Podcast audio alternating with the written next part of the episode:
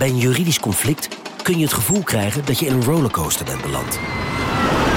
Je wereld staat op zijn kop en je bent de controle even helemaal kwijt. Dan is het fijn als je bent verzekerd bij ARAG. Daar werken topjuristen en advocaten die je begrijpen. Die een stap extra voor je zetten. En je het gevoel van controle teruggeven. Met kennis en informatie, met heldere uitleg en met gericht advies. ARAG, juridisch probleemoplossers.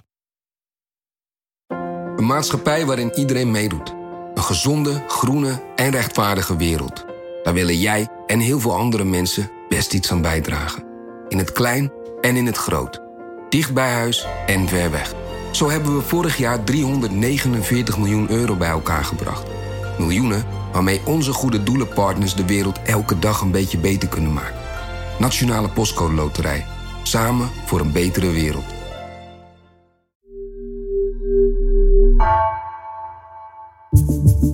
Vanaf de redactie van NRC het verhaal van vandaag.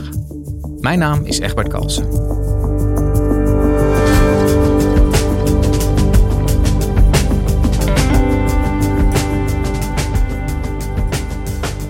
Voormalig Uber-toplobbyist Mark McGann was een jaar geleden de bron van de Uber-files. De duizenden documenten legden bloot hoe het bedrijf wetten overtrad en politici bespeelde. Journalist Stijn Bronswaar sprak met deze klokkenluider over hoe het lekken van de documenten zijn leven heeft veranderd.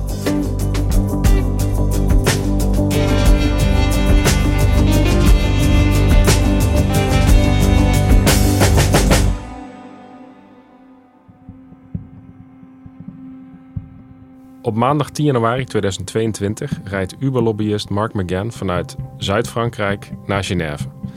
Rijdt met een bestelbusje dat helemaal chockvol zit met laptops, iPhones, papieren. Hij is onderweg naar een afspraak met journalisten van The Guardian.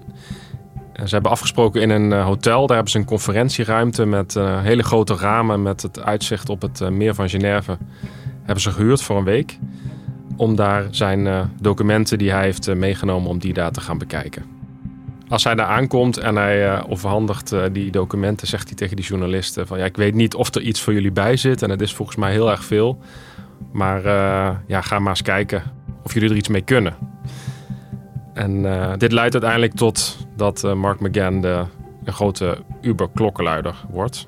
En dat leidt tot de Uber-files die in de zomer van vorig jaar tot een grote mediastorm leidde. The ride-hailing company Uber is under scrutiny. Whistleblower Mark McGann disclosed more than 124,000 documents detailing how Uber flouted laws in countries across Europe, duped police, exploited violence against drivers, and secretly lobbied governments in order to aggressively build its global empire. Ik zocht hem op een jaar na het lekken van die documenten om eens met hem terug te blikken op die Uber-files en ook om te kijken wat doet het eigenlijk met je als je klokluider bent geweest en wat betekent dat voor je leven?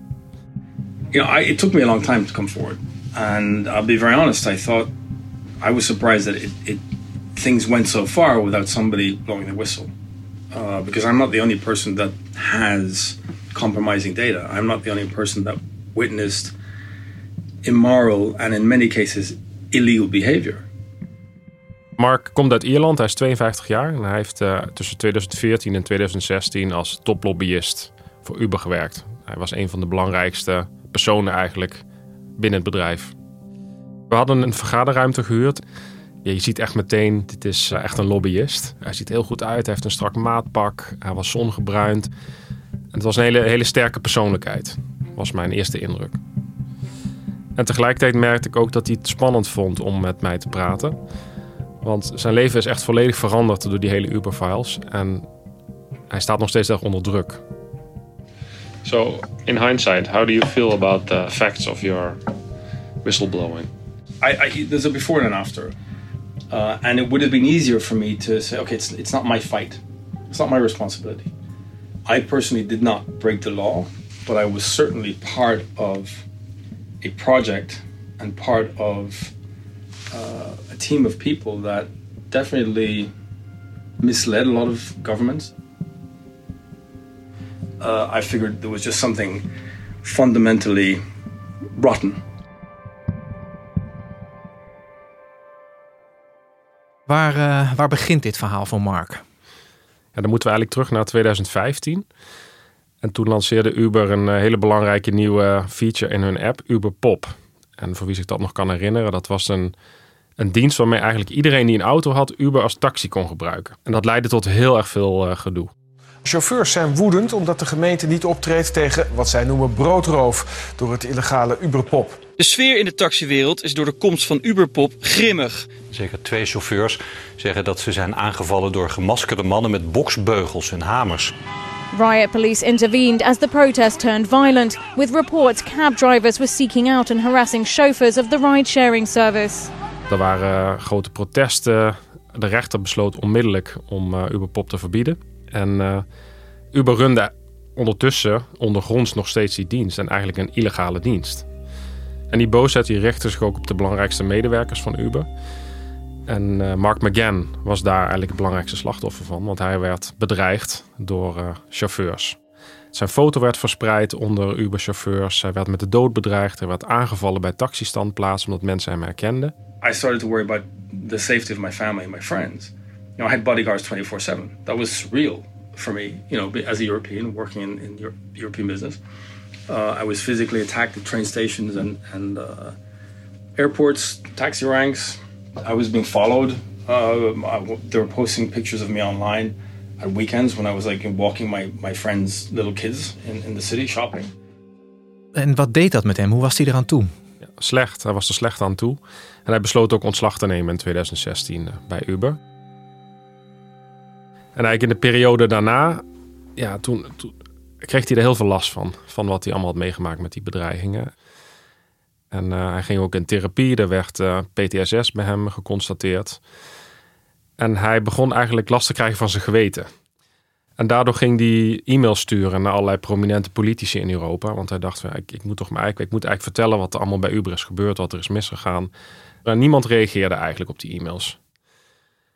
En op een gegeven moment had hij zoiets, ja, en dat was dus in uh, januari 2022 ik, uh, ik ga gewoon all out. Ik ga alles wat ik heb, ga ik gewoon naar The Guardian brengen. En dan moeten ze maar kijken wat ze ermee doen.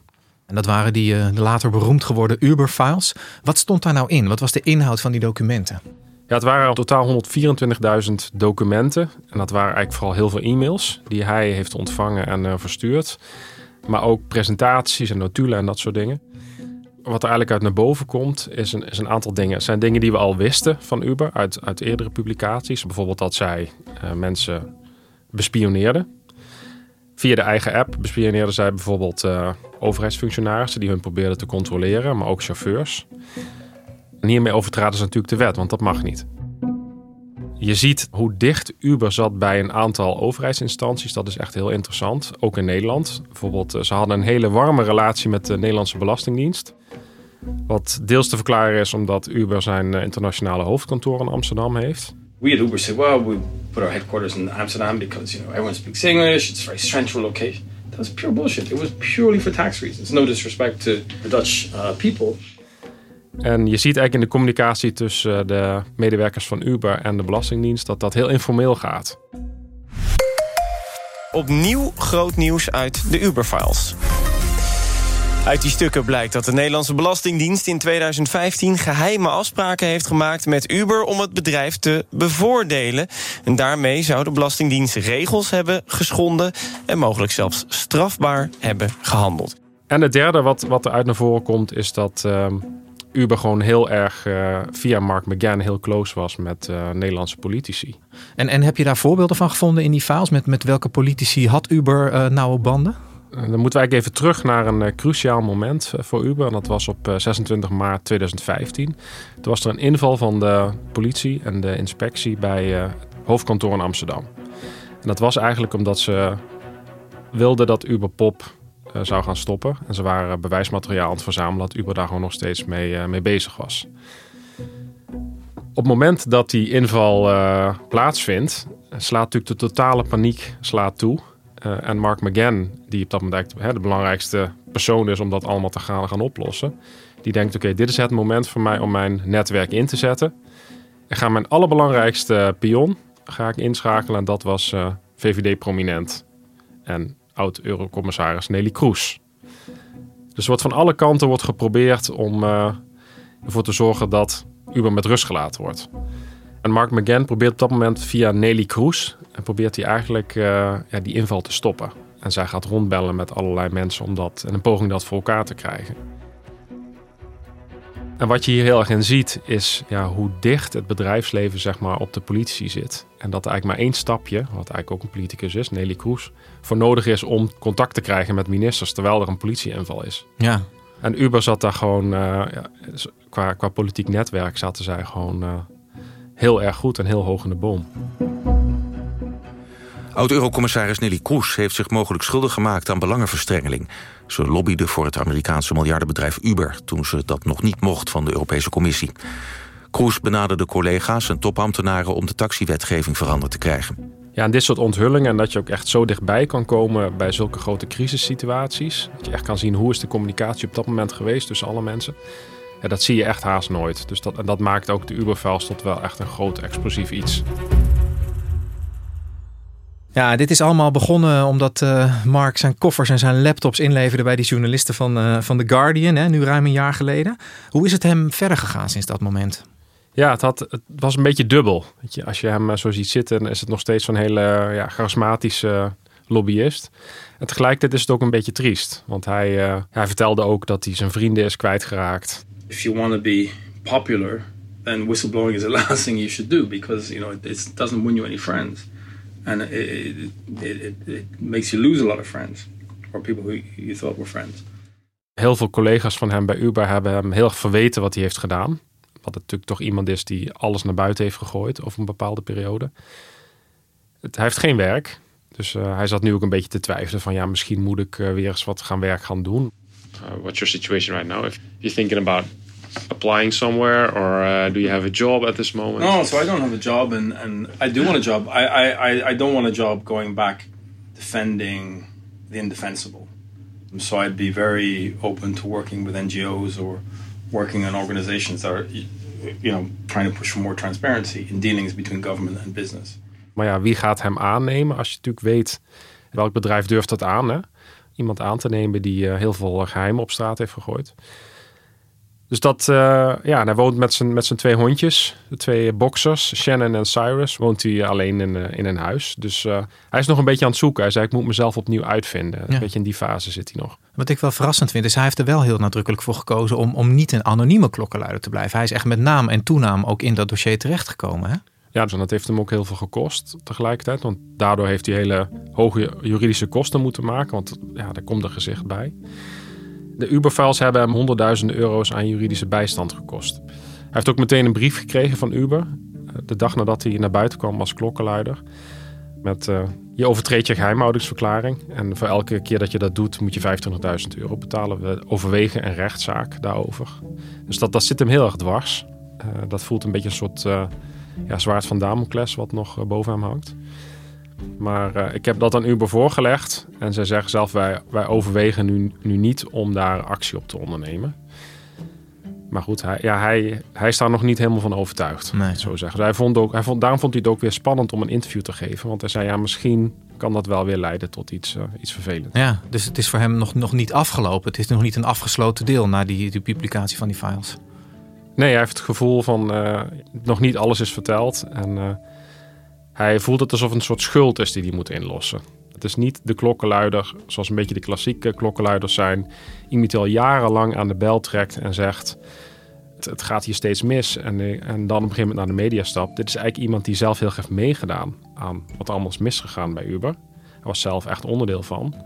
En is pas later eigenlijk erachter gekomen, ik heb fouten gemaakt.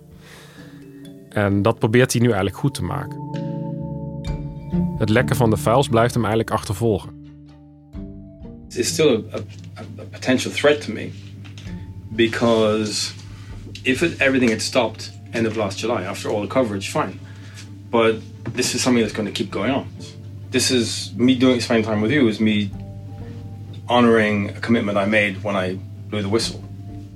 Do I want to keep doing interviews on this? No, I don't. I want to move on with my life and you know do something else and, as I said, get a job and, and stuff like that.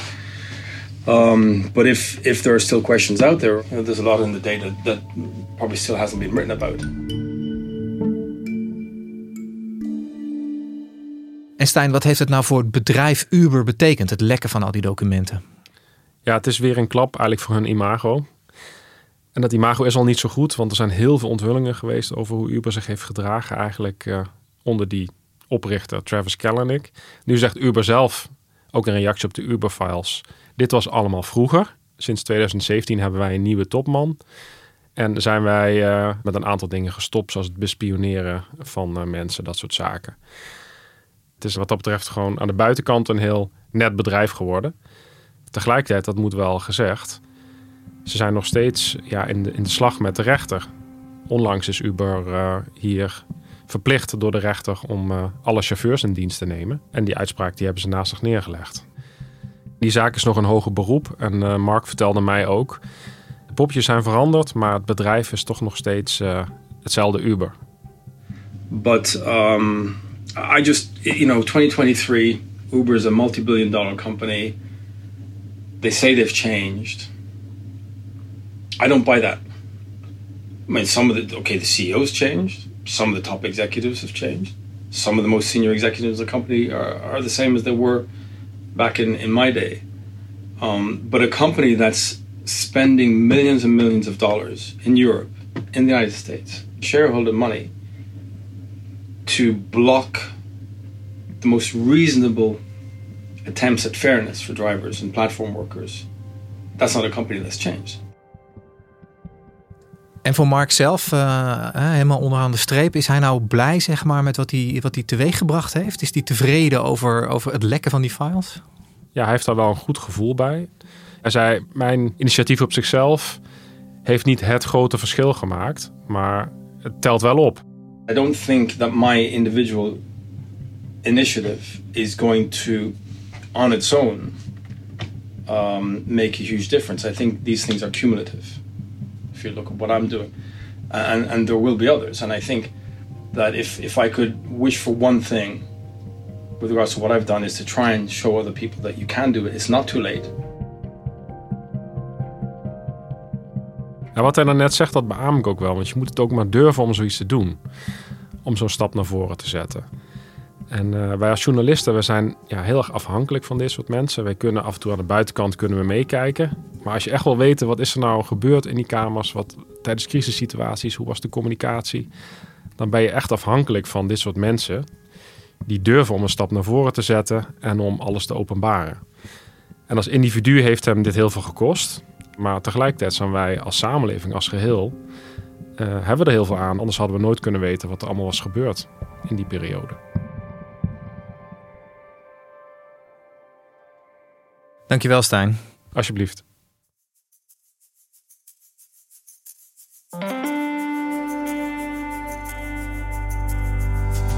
Je luisterde naar vandaag, een podcast van NRC. Eén verhaal, elke dag. Deze aflevering werd gemaakt door Nina van Hattem, Lis Doutsenberg en Bas van Win. Coördinatie Henk Ruigrok van der Werven. Dit was vandaag. Morgen weer.